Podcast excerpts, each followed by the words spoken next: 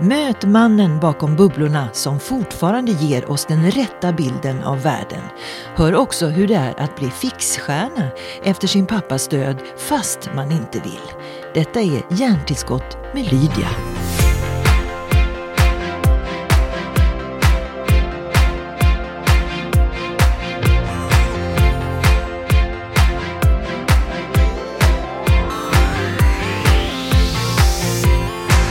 Jag brukar alltid testa ljudet och det är bra om du säger någonting ett, Ola. Två, ett, två. Det här är bara ett test. Det här är inte på allvar. Det här är inte på allvar. Nej. Kanske blir lite allvar lite senare. Ehm, Ola Rosling, kul att se dig igen. Tack ska du ha. Jag har ju förmånen att säga det för att jag måste bara berätta det för lyssnarna. För nästan på dagen ett år sedan fastnade du och jag på en flygplats i Tyskland på väg till Italien och det var ingen semester och så utan det var faktiskt ett gemensamt uppdrag vi hade. Så jag fick tillbringa tre timmar med dig, kommer du ihåg det? Ja, visst. Det var hemskt. Jag förlorade massa tid. Kunde bara sitta och umgås. Ja, Jag har aldrig varit med om något värre. men det är ovanligt för dig att behöva vara på en plats och bara umgås. Nej, jag, jag håller på och försöker sluta optimera min tid. Så att eh, då när du träffade mig för ett år sedan var jag fortfarande fast i ett oerhört tidsoptimerande. Där tre timmar på en flygplats är en katastrof. För, eh, eh, men då, det stämmer inte riktigt för att jag har insett att de bästa idéerna och så, de kommer man på när man inte fokuserar på jobbet. Så jag har faktiskt helt ändrat hur jag gör saker sen vi såg sist. Eh, och nu eh, värdesätter jag sådana här tre timmar på en flygplats mycket mer. Jag vet inte hur du minns det, men eh, jag Vad tyckte det var kul. Men det som jag blev oerhört berörd av, det var faktiskt när du visade din mailbox. På den tiden var det 32 000, nu är det 47 000 olästa e-mail. Eh, jag är ingen stolt över det. det. Det är en av anledningarna då att jag försökte optimera min tid. Vi får ju ungefär fem förfrågningar per dag om att föreläsa runt om i världen eller starta nya projekt. Och eh, sen ligger folk på och ger feedback och mejlar. Det alla det är fullkomligt ohanterligt. Jag förstår inte hur andra människor gör. Eh, Alla heter kanske inte Ola Rosling heller. Nej, och efter att Hans dog så eh, eskalerade det där. Det var ganska mycket redan innan. Men eh, efter att Hans försvann då så har ju jag och Anna blivit fixstjärnor, även om vi i viss mån har försökt undvika det. Ehm, vi sprider ju en faktabaserad världsbild och vi har hela tiden försökt motverka att vi som individer ska stå i rampljuset. Vi tycker att statistiken och världsbilden ska stå i rampljuset. Men det är liksom ganska komplicerat. Folk vill alltid ha en människa som en slags förebild. Och det har gjort att min inbox är fullkomligt överöst. Och jag, jag tror att jag har 600 olästa sms också. Eh, Jag skulle bli väldigt eh, nervös av sådana där saker, men du, hur, du bara ignorerar det Nej, jag har vant mig. Jag var väldigt nervös först. Jag försökte hinna ikapp, men det gick ju inte. Jag fick ju ingenting annat gjort om jag... Så att nu har jag ju hjälp av eh, två personer som eh, läser mina mejl och mina sms och sånt där. Och, och de, men de hinner inte riktigt ikapp heller. Det innebär att, jag har skickat mejl till dig någon gång, det innebär att mitt mejl kommer läsas någon gång 2020 av dina assistenter. Jag vet inte vad de följer för princip, men det är högst sannolikt att det aldrig kommer läsas. Men det är jättebra, det hjälper ju till, till den här siffran då, det ökar ju på den, så det bidrar ju till någonting. Liksom. Ja, men hur kommer man i kontakt med er då, normalt sett? Ja, men man får lite- hoppas att, att eh, Klara och, och Fernanda och, eh, att de tycker att det här e-mailet är mer intressant och relevant än de andra. Mm. Det kontakt är liksom lite överskattat. I vår samtid så det finns otroligt mycket statistik som jag ska försöka förklara varför det är så här. Vi, vi befinner oss i en tidsepok när mänskligheten plötsligt har oändligt mycket data, oändligt mycket siffror. Och samtidigt har vi väldigt dåliga verktyg och vanor för att hantera de här siffrorna och göra dem begripliga. Men vi förstår att vi bör det. Vi förstår att det är bra att förstå världen utifrån data. Och då har vi blivit kända och gjort oss ett namn på att vi kan förklara data och siffror. Och då vänder man sig liksom till oss och hoppas att man ska få tag i oss som personer. Det är min förklaring till varför jag har så mycket e-mail. Det är, alla sitter med en stor databas som de inte riktigt lyckas begripa eller förklara. Och då vänder man sig till oss. Jag hinner ju inte med allt det där. Så, så det jag tänker på när jag inte svarar på de här mejlen, det är ju hur kan vi bygga infrastruktur och verktyg så att väldigt många lyckas göra sin data begriplig? Eh, och det eh, tycker jag är helt fascinerande. Ungefär som Spotify. Alltså, vilket fantastiskt verktyg för att få lyssna på musik. Nu är det underhållning. Men att, att förstå världen baserat på data är faktiskt ganska underhållande också. Så att jag undrar eh, hur det där verktyget skulle se ut när man håller reda på sin världsbild och håller den uppdaterad utan att det behöver vara en massa individer inblandade emellan mm. i överföringen av det, information. Det är en dröm en journalist har faktiskt, att kunna få gå till något, någon plattform eller något uppslagsverk som garanterat är korrekt. Ja, och då Statistiska centralbyrån har ju data för i princip allt i Sverige. Ja, allt som har att göra med myndigheter och stadsplanering och, och hur människor mår och sånt. Socialstyrelsen har hälsodatan, men de skickar ju ofta en hel del av det till Statistiska centralbyrån. Och den hemsidan är ju, den, de håller ju ordning och reda på grejerna, ungefär som Riksbanken håller reda på valutan. Och problemet är att Riksbanken och Statistiska centralbyrån, de är ju inte så roliga om man jämför med Spotify. Liksom. Det, ingen, väldigt få, ska jag säga, går ju dit för att ha kul. Jag tillhör ju den gruppen då.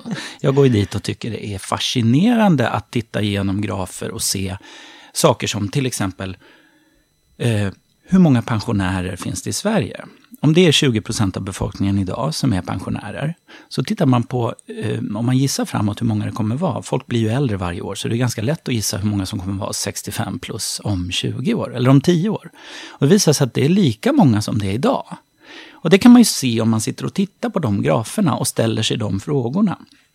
Det, stämmer, det rimmar ju inte alls med det vi hör i den offentliga debatten om att vår befolkning blir ju gammal så snabbt så vi kommer inte kunna hantera alla pensionärerna och därför behövs det robotar eller massinvandring eller alla möjliga saker som...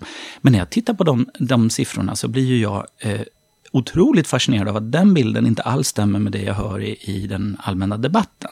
Och den diskrepansen tycker jag är liksom nyckeln nyckeln till hur man kan göra data användbar. Därför att människor gillar att eh, få reda på att de har fel. Tror det eller ej, men, men det är det vi jobbar med. Eh, nu den här presentationen som jag ger här på Hjärntillskott, där visar jag ju att publiken har haft fel på en massa frågor. Och just den här åldrande befolkningsfrågan, den svarar de ju helt fel på. Det, bara, det var bara 9% som svarade rätt på frågan. Mm eh, vad som händer. Varför ökar världens befolkning? De flesta här i Sverige de tror att det är för att det blir så mycket pensionärer. Därför vi har hört det. Och då, då får vi oss en bild av den åldrande befolkningen. Problemet är att när minoriteter ökar så exploderar siffran i våra huvuden och den, blir, den får liksom en nolla extra på slutet. Så folk tror att det liksom halva befolkningen kommer vara pensionärer. Det är helt fel. Det är alltså helt fel. Och när jag säger det till folk, du har helt fel. Precis som min pappa sa till den danska, ja. danska journalisten. Ja. ja, kommunikatörer och så här, eh, politiker och diplomater, de tror att man inte ska titta folk i ögonen och säga att du har helt fel. Det är liksom tabu. Men folk gillar ju det. Herregud, det blir skarpt läge och en chans till inlärning. Lite nerv. ja, istället för allt det här dravlandet och alla buzzwords och, och eh, fina diplomatiska eh, formuleringar med rätt eh, PK-vokabulär. Om man istället säger så här, titta på den här siffran jämfört med vad du svarade. Du har ju helt fel. Så andas folk ut och tycker så här, men äntligen konkretion. Nu får jag lära mig något nytt. Och det, den här ålderspyramiden är bara ett exempel på all den statistik som folk skulle behöva förstå. Mm. Men du Ola, det finns ju så vansinnigt mycket som vi skulle vilja förstå bättre. Det har väl till och med eh, uppstått en del diskussioner kring eh, att Gapmind, Gapminder kan fokusera även på andra statistikfrågor. Kanske som inte bara har med befolkning att göra utan kanske till och med klimat eller någonting annat. Vad säger oh ja, du om det? Oh ja. vi, vi gav ut en bok eh, ett år efter att Hans dog som jag och Anna färdigställde. Då där vi är medförfattare med Hans. Eh, och eh, efter det så gjorde vi ett litet experiment tillsammans med Helena Nordenstedt och Maike som är hennes doktorand de är från Karolinska institutet. Där vi ställde 1500 frågor till svenska folket och till eh, allmänheten i England och i USA. Faktafrågor. Alltså inga opinionsfrågor. Det är vi ganska ointresserade av vad folk tycker. För vi jobbar inte med, med vi är ingen think tank. Alltså Gapminder är en fact tank. Vi letar upp vad folk har helt fel om. Ofta då har ju 95 procent av befolkningen fel om något. Som fattigdomstrenden i USA. 95 procent av amerikanerna har ju fel om den. Eh, de tror att extrema fattigdomen har varit konstant i världen eller dubblerats, medan den i själva verket har halverats. Men 95 procent av amerikanerna, det inkluderar ju alla Trumps väljare och alla Hillarys väljare. Mm. De har ju samma världsbild. De ska inte peka fingret på varandra. Och när jag visar det så tar inte jag ställning för den ena eller den andra sidan. Och det är jättekul. Och folk gillar det därför att då avväpnar man båda de här eh, lägren som försöker kasta skit på varandra. Och visar att nej, men ni har ju fel bägge två. Den tredje positionen, där man istället pratar om fakta och kunskap, den är oerhört efterfrågad. För folk är så trötta på det här bjäbbandet från höger och vänster. När man försöker visa att andra sidan är idioter.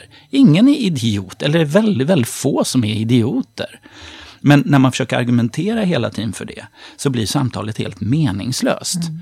Och den eh, positionen eh, är det som data och statistik, eh, det kan ha den effekten tack vare att folk har så förbannat fel om väldigt, väldigt mycket. Och du svarar dels på frågan men inte på det jag undrade över. Skulle ni kunna rikta fokus och gräva ja. fakta kring andra saker ja, ja. också? De här 1500 frågorna vi har ställt under senaste året, eller nu är vi uppe i 1700 tror jag.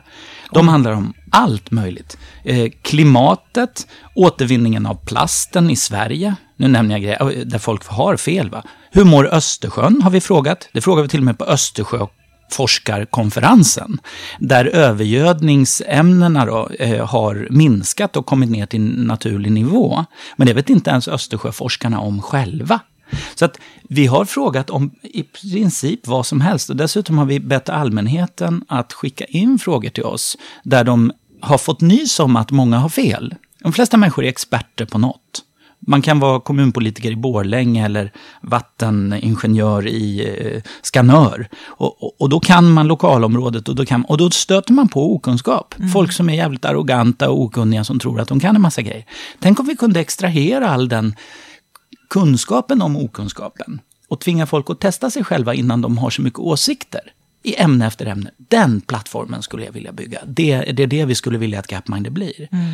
Men eh, kan man inte ha, vara en fara för samhället om man har för mycket kunskap? Jag menar, vad händer om man skulle använda den här fel? Det är en bra fråga. Hypotetiskt eh, kan man säga samma sak om trottoarer till exempel. När man pratar om fri data så brukar statistiker säga ungefär det du säger. Att nej, men folk kan misstolka den här datan, det måste vi undvika. Men trottoarer används ju av massmördare. Men det, gör ju, det är ju inget argument mot att ha fria trottoarer. Förvisso. Utan då måste man istället ha polis som jagar mördarna. Man kan ju inte ta bort själva trottoaren. Alltså man måste möjliggöra kunskap och förståelse i högsta möjliga mån.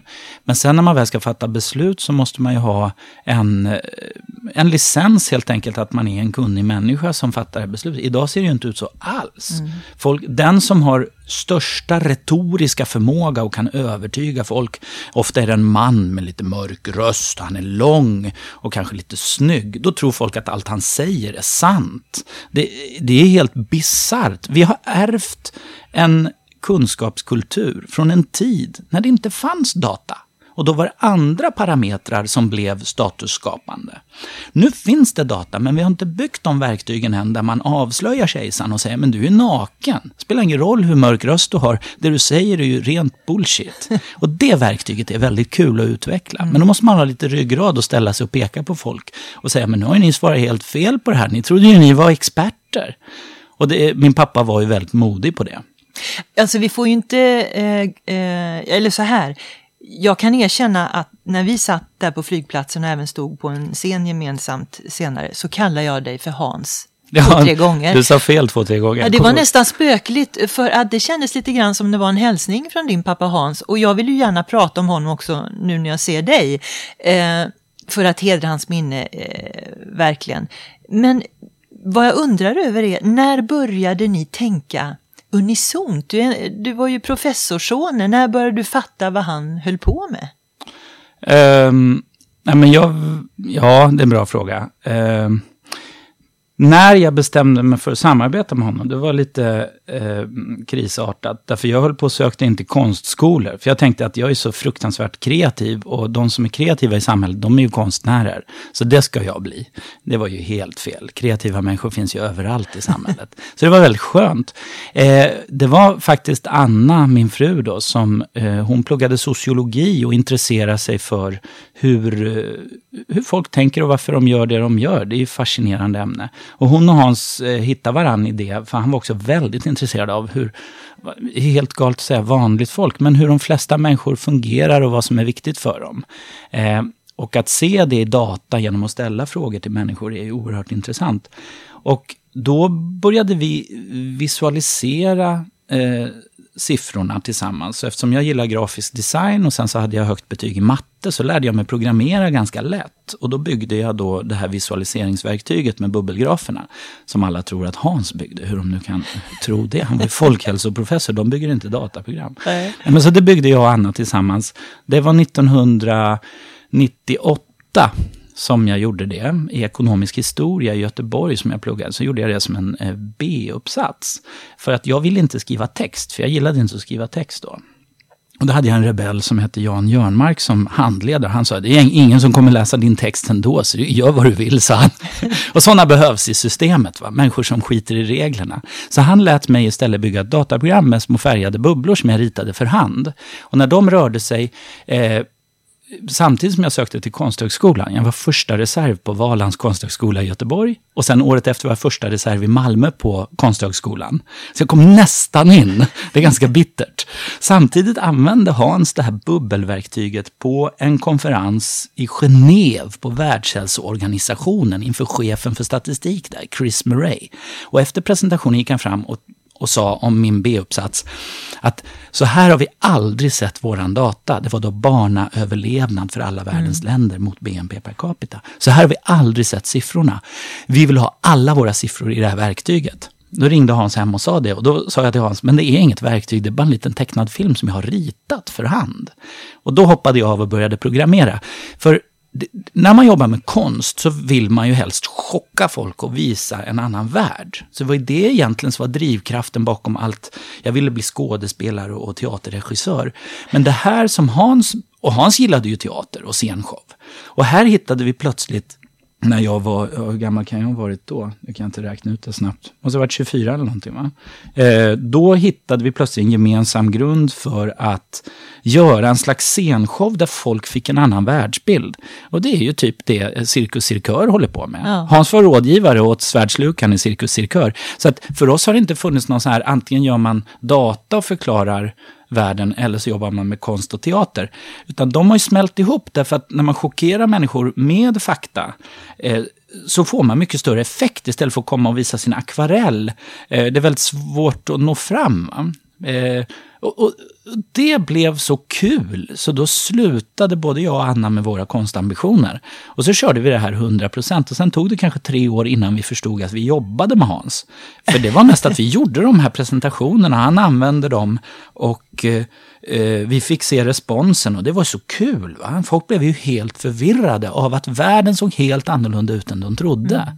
Jag kommer ihåg de första gångerna man såg de här bubblorna. Det var häpnadsväckande, verkligen. Och det var ju, då skrev ni historia helt enkelt. Det var ju då allting började med den där i Genève mm. och sen bara växte det. Men eh, när ni hade det här otroliga flytet och folk började mer och mer inse vilken okunskap det faktiskt fanns så får Hans en diagnos. Ja, eh, först hade han hepatit C-diagnos som för, mm. kanske många missade. Eh, jag och Anna... Och det vet jag att han berättade någon gång att han, eh, för mig för att han kände, han, han tyckte att han hade fått lite en annan hudfärg. Mm, han hade ont också och, och de såg det i blodprov. han drack ju inga alkohol och sådär så att han fick hepatit C, vilket sprutnarkomaner och så brukar kunna få när de delar sprutor. Det är ibland så att hälsopersonal får det när de råkar sticka varandra vid operation. Så eventuellt fick han det där i Mosambik medan han opererade. Det är jättesvårt. Eller så fick han när han sprang orientering i tonåren. Fast det är blodöverföring mellan människor som ger smittan. Mm. Det är väl egentligen de två enda sannolika smittkällorna. Men och sen började det sätta sig på levern i eh, i, i 55-årsåldern eller något sånt där. Så när jag och Anna, vi drev ju Googles Public Data Team i Silicon Valley på högkvarteret. Eftersom vi sålde det här bubbelverktyget till Google. För att frigöra offentlig statistik via sökning. När vi satt där så hörde Hans av sig och sa att, att han hade hepatit C och troligtvis skulle dö inom några år om om han inte hade tur då med medicinering. Han gick på en fruktansvärt medicin som gjorde honom extremt arg i, i sex månader kommer inte ihåg vad den heter nu. Men, eh, Kanske lika bra att man inte vet det. Men eller- sen var det så då lämnade vi Google därför att vi tänkte att vi gör lite fler sådana här historier tillsammans med Hans. Och det blev de här BBC-filmerna i princip, där vi utvecklade manus och den visuella historien. Eh, Medan Hans var dålig. Va? Eh, och sen plötsligt hände det som, som sker med modern medicin. Det kom för första gången ett bot mot hepatit C. Och då släpptes den medicinen i Japan. Så Hans åkte till Japan, gick in på ett apotek och köpte en pillerkartong. Eh, den var väldigt dyr, så han lånade pengar av, av en, en snäll kompis. Eller han fick pengar faktiskt av en, en person som var intresserad av att Hans levde. Eh, och, och, och så köpte han den medicinen innan den fanns på den svenska marknaden. Och sen var han friskförklarad inom några veckor på Huddinge sjukhus. Otroligt. Ja, och då hade vi lämnat Google just för att Hans skulle dö. Eh, vilket allmänheten inte hade förstått. Eh, sen tog det ett och ett halvt år så fick han en cancerdiagnos. Eh, och det var ju lite av en chock. Däremot så tror jag att det var lättare att, att acceptera att Hans skulle dö i cancer eftersom vi redan, vad blir det, fyra år tidigare var, gjorde oss beredda på att han skulle dö av hepatit C. Så Och det var- påverkade arbetet och förberedelsen antar jag också då, Ja, man blir, bortgång. man blir tvungen att leverera eh, när någon ska dö. Eh, Hans fann ju en stor tröst i att jobba med att förklara världen för folk. Så när han var sjuk, redan första veckan, så hade han ju en tröst av att vi höll på och skrev en bok då, Factfulness, tillsammans. Och eh, så fungerade ju han. Eh, och, och det visste vi ju i hela familjen. Så eh, han kände att det skulle bli ett slutresultat av alla de här årens arbete och att vi sammanfattade det. Liksom. Sen skrev han eh, så himla mycket om sin familjehistoria. Så Anna och jag sa till honom att men det här är som en annan bok, en biografibok. Så då skrev han en bok till vid sidan om. Eh, som blev den om hur jag lärde mig förstå världen, som handlar mer om hans personliga resa. Eh, så det blev två böcker under loppet av ett år från att han inte hade skrivit... Han hade skrivit en bok förut om global hälsa. En lärobok som Bill Gates läste. Men vilken otroligt fokuserad person att skriva från sjuksängen och veta att man har en viss tid på sig. Eh, Mm. När, när han var fyra, fem år så höll hans mamma på att dö av tuberkulos, som var en väldigt vanlig sjukdom i Sverige på den tiden. Som inte finns längre, men som fortfarande dödar eh, hundratusentals människor i världen idag. Men som vi svenskar då tycker har försvunnit. Men den har inte försvunnit från världen. Det finns bot, det finns vård, det behövs inga uppfinningar och inga Facebook-appar för att lösa tuberkulosen i världen. Det behöver bara att människor får tillgång till primär hälsovård. Det här gjorde Hans Fly förbannad. Att vi lever i en värld där människor fortfarande lider av det som hans mamma nästan dog av. Och den, den övertygelsen var så stark hos honom så han såg ingen anledning att låta folk snacka bort de här största riktiga problemen med sina olika små politiska agendor. Utan då gäller det att sätta dit folk och få människor att fokusera på att vi ska ta, eh, lyfta alla människor ur extrem fattigdom och ge dem allt det här, all den här bekvämligheten som vi själva älskar så mycket. Och som helt förändrade Hans liv. Och den, den, så det var en oerhört personlig övertygelse om att människor förtjänar ett värdigt liv. Man ska inte behöva ligga och dö på någon soptipp med barn runt omkring sig som blir lämnade. Så ska inte världen se ut. Det är helt oacceptabelt. Och i en så här välfungerande eh, socialdemokratiskt land som Sverige, där vi har fri tillgång till allt, allt det här, där vi liksom är, har passerat Maslows pyramids basbehov. Och vi tror att hela världen bara handlar om de här tillfredsställelse och självförverkligande behovet som är liksom eh, trappsteg två och tre. Men det bor ju en miljard människor kvar på, innan trappsteg ett. De har inte sina fysiska behov tillfredsställda, de har inte säkert mat för dagen och barnens sjukdomar blir inte botade. Fast att alla de lösningarna redan finns för sex miljarder människor, så är det ju en och en halv miljard som saknar det. Det är ju helt oacceptabelt. Men den här eh, vreden eh, som du beskriver, den eh, fick ju många ibland eh, uppleva, speciellt journalister. Och en gång fick jag uppleva det när jag pratade med honom om klimatflyktingar. Han tyckte inte alls om det begreppet. Nej. Oklart Det varför. gör inte jag heller. Nej, oklart, Oklart varför? Ja. Jo, när du, ska, när du ska göra ditt ämne intressant, klimat till exempel, som är ett sjukt stort problem på den här planeten och som vi måste ta på största allvar. Och alltså inte kan försöka skapa en retorisk saga kring, utan vi måste hålla reda på siffrorna, därför att det kommer bli varmare, det kommer bli ett stort problem.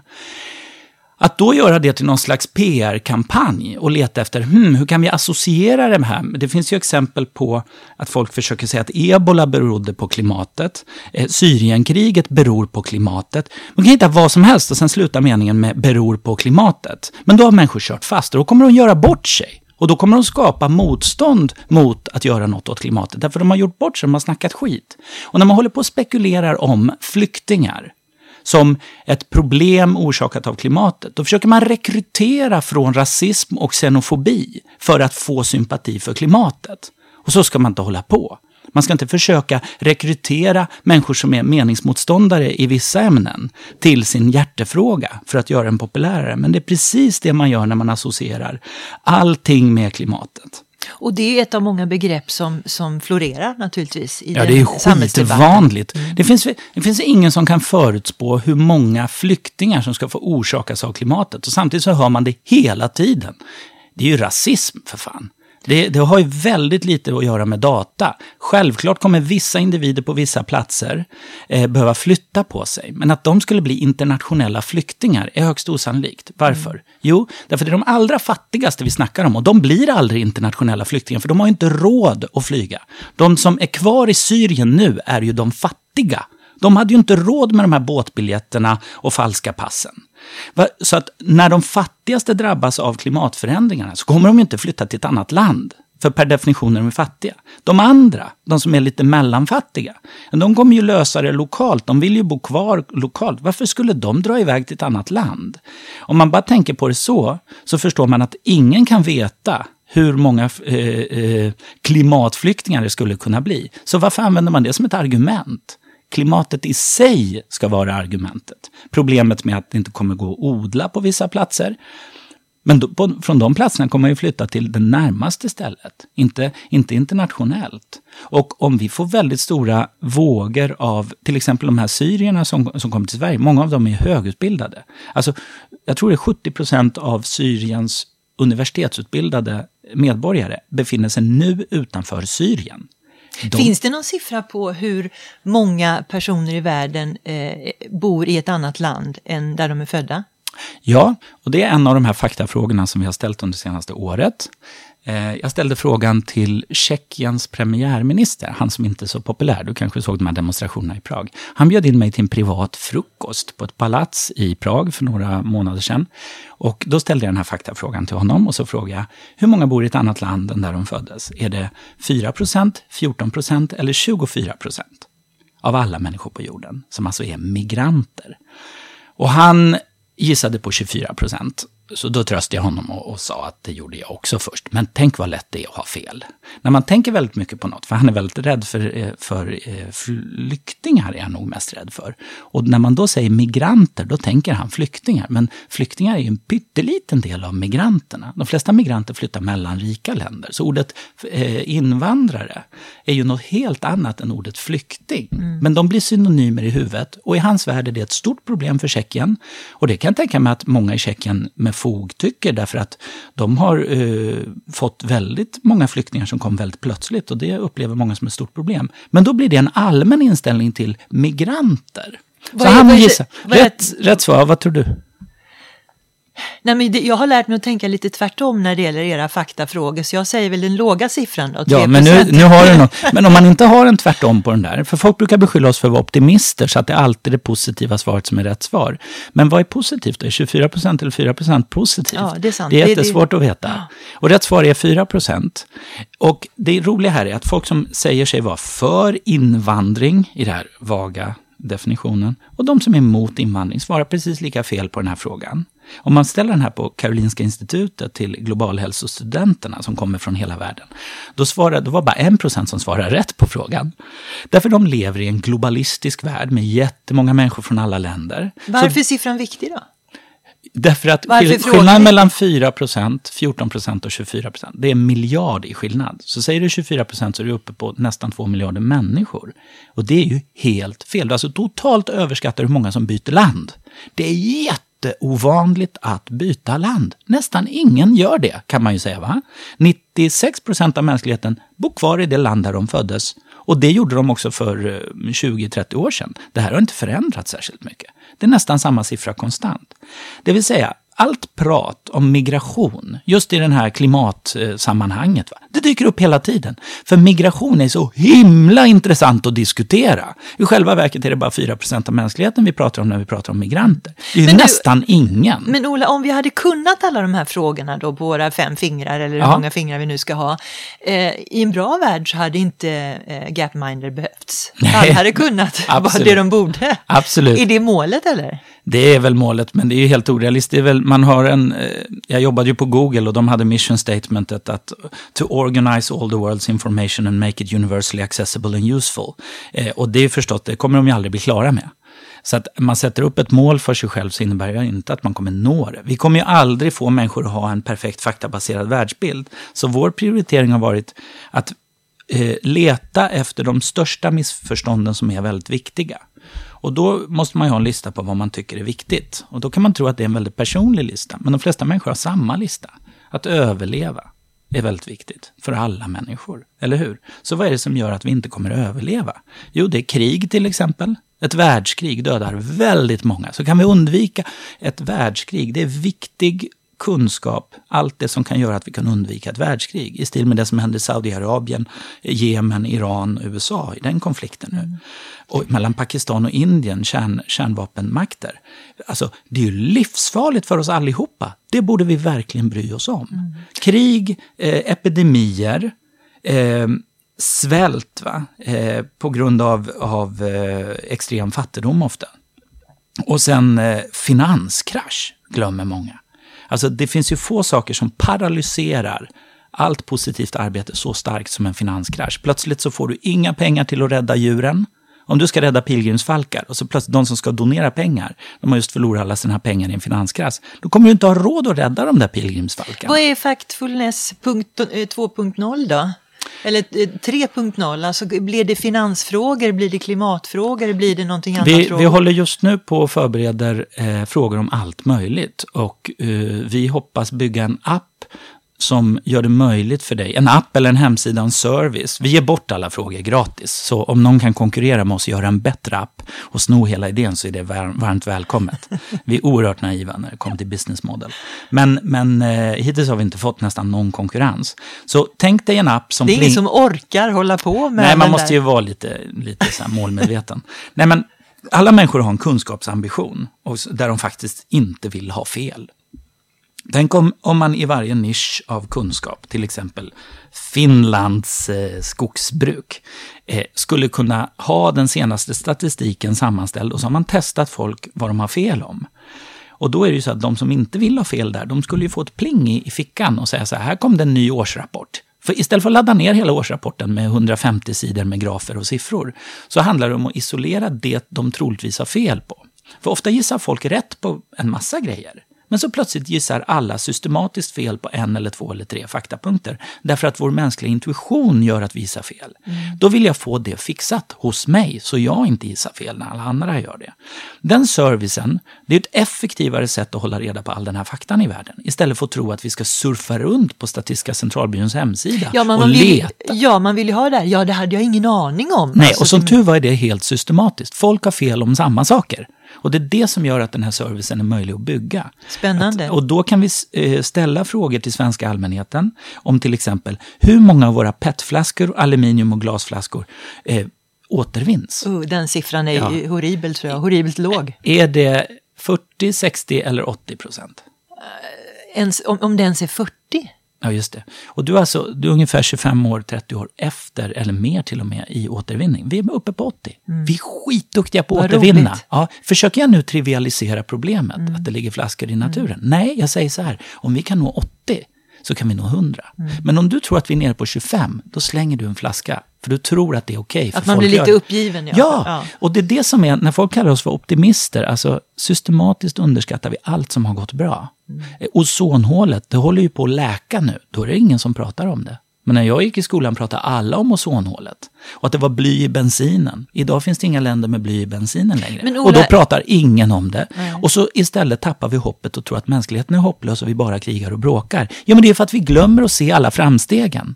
De skulle ju ge kraften att göra världen ännu bättre. För världen är full av vidriga problem. Mm. De som men kallar Ola, mig, ja. Ola, när det gäller, eh, det är ju fantastiskt att prata med dig, för man blir verkligen glad av att, att möta dig och höra dina fakta. Men eh, av alla goda ting så möter ni också kritik. Eh, och det är att man vill komplettera de här faktorna med eh, det som tillkommer när vi blir fler och konsumtion och allt sådant som du till och med har stått i Agenda och behövt debattera om. Det är väldigt ovanligt med den sortens kritik. Den har kommit främst i Sverige och den kommer främst från vänster.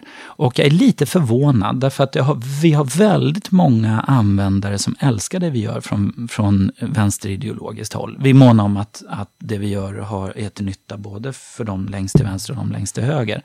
Och eftersom vi visar så väldigt mycket om orättvisorna i världen så är jag väldigt förvånad att vi får kritik att vi inte visar tillräckligt. Så det liksom kommer ner till personlig smak om man tycker att någon har uppnått det man tycker är tillräckligt. Men väldigt många är nöjda.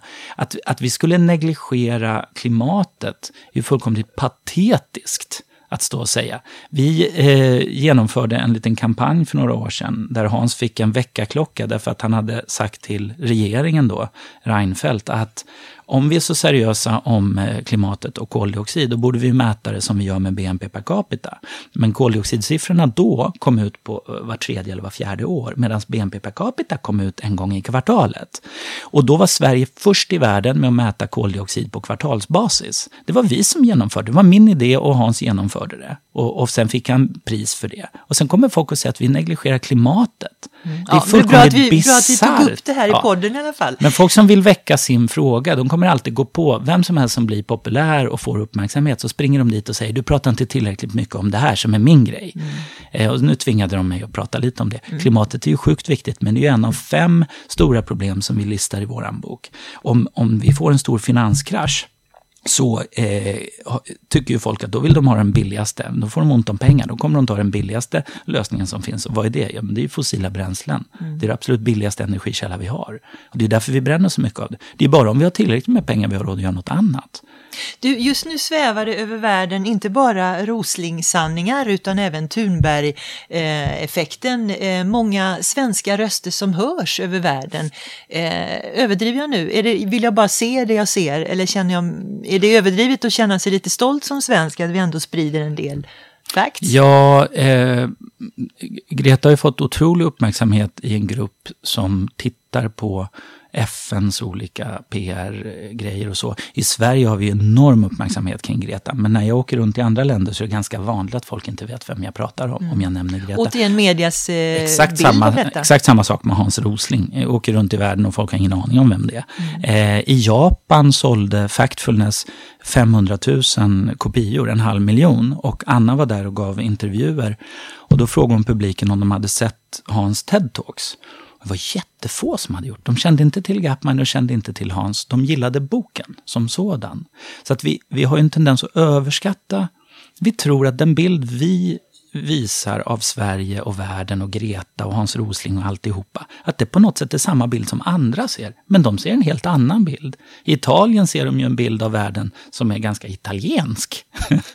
och, och, och, det är ju intressant. Då brukar jag säga, alltså, man måste vara nyfiken på det, hur, hur otroligt eh, insnöade vi kan bli och, och, och, tro att vi har bilden av hur det ligger till. Ja, det var ju medvetet också denna insnöade fråga, för svenskar sitter ju och tycker det här, åh vi är så bra, titta vi har ju Rosling som är ute i världen och talar om hur faktan ska vara. Så har vi Thunberg som eh, ringer på, i klockan, klimatklockan, så att alla blir uppmärksamma detta. Men visst är det så eh, att vi har alla en skev bild. Eh, från det ena till det andra, stämmer det att din son Ted är uppkallad efter TED-talk? Ja, hur tänkte ni då? Eh, tänker och tänker, men det gör man väl inte om man gör något så dumt som man bara känner. men vad Hans, hände? Hans var ju, alltså Hans blev ju väldigt känd istället för att Anna och jag blev det, därför att vi fick ju tre barn under den perioden när han gjorde sina TED-talks. Eh, och det andra TED-talk, det första, eh, där tänkte Hans, jag slukar svärd, för, för då kommer de tycka att jag är häftig eller någonting. Men då sa jag nej, det blir bara löjlig effektsökeri. Så han gav ju ett TED-talk, det här The best stats you have never seen. Och där han inte slukar svärd. Och sen ett år senare, och då visade han alla de här visualiseringsverktygen som jag och han hade byggt i sex år tillsammans med ett team i, i eh, Malmö. Med, med Jörgen och Johan och Henrik och massor med folk. Vi har inte byggt det här själva helt och hållet.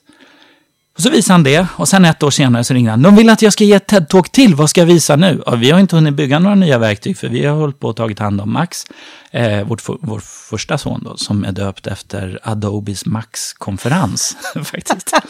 eh, ja.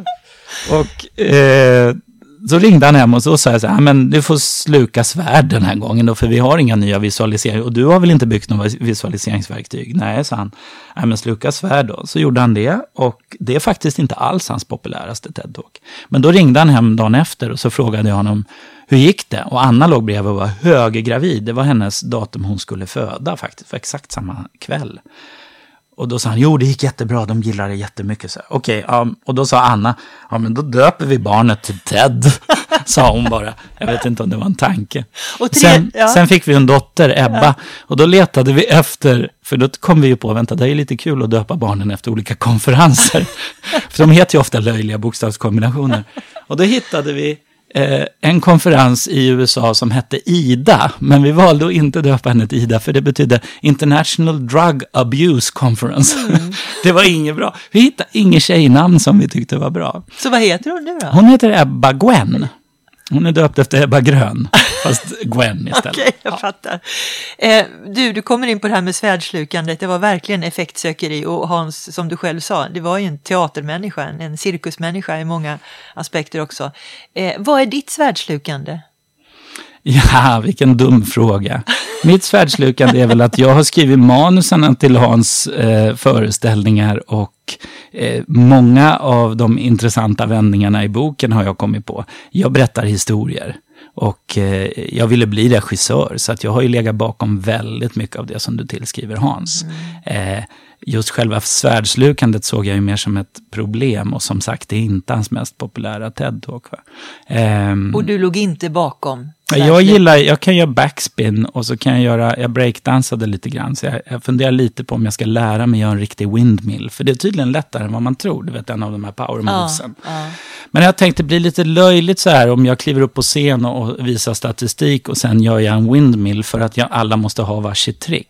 Jag har inte behövts faktiskt. Det intressanta det här svärdslukandet är ett problem, därför att lärare runt om i världen som ser våra verktyg, de är gratis. Du kan gå till gapminder.org och bara ladda ner dem. Klicka downloads kan du ladda ner alla slideshows som jag använder i mina presentationer. Och Hans slideshows, de ligger där och verktygen är gratis. Men lärarna tänker så här, man måste ju kunna sluka svärd för att använda dem. Eller man måste vara lika rolig som Hans. Va? Så det har varit ett hinder för att sprida informationen som vi faktiskt har haft ganska svårt för. Därför att vår målsättning har hela tiden varit att sprida kunskap. Och, så jag uppmanar ju alltid på scenen alla att gå och, och sno våra slides. Man får till och med sälja dem om man vill. Mm. Och lägga dem på en USB-sticka. Um, ehm, Vilken knäpp affärsmodell, verkligen. Nej, men det går, det går ju ändå. Det finns ju tillräckligt många eh, rika personer som vill väl, som, som sponsrar oss. Va? Hittills har vi ju finansierats av, av eh, olika såna filantropiska stiftelser som, som Bill Gates och Ikea Foundation och Hennes och Maurits Persson-stiftelsen och Postkodlotteri. Tack till alla som har köpt postkodlotter för att en del av de pengarna har gått till det. Så att vi har ju massor med olika finansiärer. Vi ser till att stå på många ben så vi är inte beroende av någon enskild av dem och så mm. söker vi pengar till våra projekt. Eh, och det har fungerat och då kan vi prova med att ge bort verktyg gratis. Som Wikipedia som är gratis. Det är tack vare en massa människor som betalar. Du Ola, eh, jag skulle vilja ställa en avslutande fråga som kanske också är lite knäpp. Om Hans skulle vara här, vad skulle du säga till honom? För nu har det hänt så mycket, nu har det gått två och ett halvt år. Jag skulle berätta för honom att det funkar, han fick aldrig reda på det. Eh, han var jävligt upprörd över att han kunde föreläsa för 500 pers i en publik och sen kom de fram på kaffepausen efteråt, för han pratade alltid med folk. Och så sa de så dumma saker, för de hade ändå inte hört vad han sa. De sa, det var så rolig föreläsning när du gjorde det där och det där. Ja, vad var det jag berättade då, säger han. Ja, men om uländer. Eh, ja, vad sa jag om uländer? Och det han sa med u-länder var att man inte ska använda det ordet. Mm. Ja, men att de är ju rikare nu än vad man trodde att de var. Nej, sa han, det sa jag inte. Ja, men får jag ta en selfie, sa folk. Nej, det får du inte. Om du inte lyssnar på det jag säger får du inte ta en selfie med mig, förstår mm. du väl? Så blir man jättearg. Så han var konstant ganska arg, ända till han låg på sjukhussängen. Jag lovade honom när han låg inför döden, näst sista dagen, så lovade jag honom att jag ska slå hål på de här missförstånden som vi har listat i boken. Jag, jag slår på dem tills de är borta. Okej, okay, sa han. Bra, lycka till. Och det är det vi jobbar med. Och varför säger jag att det går då? Jo, vi har ju mätt kunskap efter att Hans dog. Och Sverige svarar bättre än alla andra länder. 25 procent av svenskarna svarar rätt på ABC-frågan om extrem fattigdom. Eh, och då ställde vi en följdfråga tillsammans med Novus, så det är representativt i svenska befolkningen. Hur kunde du veta att och så ställde vi samma fråga till, oberoende av vad de svarade, att extrema fattigdomen ökar eller att den är konstant eller att den minskar. Vi låtsas att alla var rätt. Hur kunde du veta det här? Och så får folk berätta vad de har för källa. Och de som svarar fel, de angav alla möjliga källor som TV3 och Aftonbladet och så vidare. Men de som svarar rätt? De som svarar rätt, 87 procent av dem skrev Hans Rosling har sagt det. Så med så mycket folkbildning som han hann med under de sista tio åren av sitt liv, så kan man alltså ta upp kunskapsnivån i ett samhälle. Och vår slutsats är att det behövs bara mer. Och det var det jag sa var problemet, va? när lärare inte laddar ner våra slideshows och verktyg för de tror att man måste vara som Hans. Det är hindret, för egentligen funkar det. Om bara fler satte sig och berättade, testade fakta, visade data, så går det visst att få upp kunskapsnivån. Folk är inte dumma i huvudet och folk är väldigt vetgiriga och de vill hellre ha rätt i sak än att, att uh, få rätt i argumentation. Folk är extremt intresserade av folkbildning Ola, och det görs bara för lite av det. Hur länge kommer du orka? Nu när jag har slutat tidsoptimera och har väldigt mycket mer roligt med Anna och barnen så kommer jag nog orka hela livet. Men så som jag jobbade, när boken skrevs klart så blev jag totalt utbränd. Så för ett år sedan var jag helt under isen när boken kom ut. Jag orkade ingenting. Jag tog mig inte upp ur sängen efter att boken var klar för att jag kunde inte hitta ork. Därför att jag jobbade 14 timmar per dygn i 365 dygn. Och sen är man helt borta. Ingen människa kan jobba på det viset. Hans försökte, han blev också oerhört utbränd. Han, han hade väldigt dålig tidsoptimering. Så nu har jag slutat optimera på fritiden. Eh, det är väldigt skönt. Så nu ska jag sitta tre timmar på flygplatser lite oftare och göra ingenting, bara skoja. Då funkar man bättre. Tack så mycket, Ola Rosling. Tack.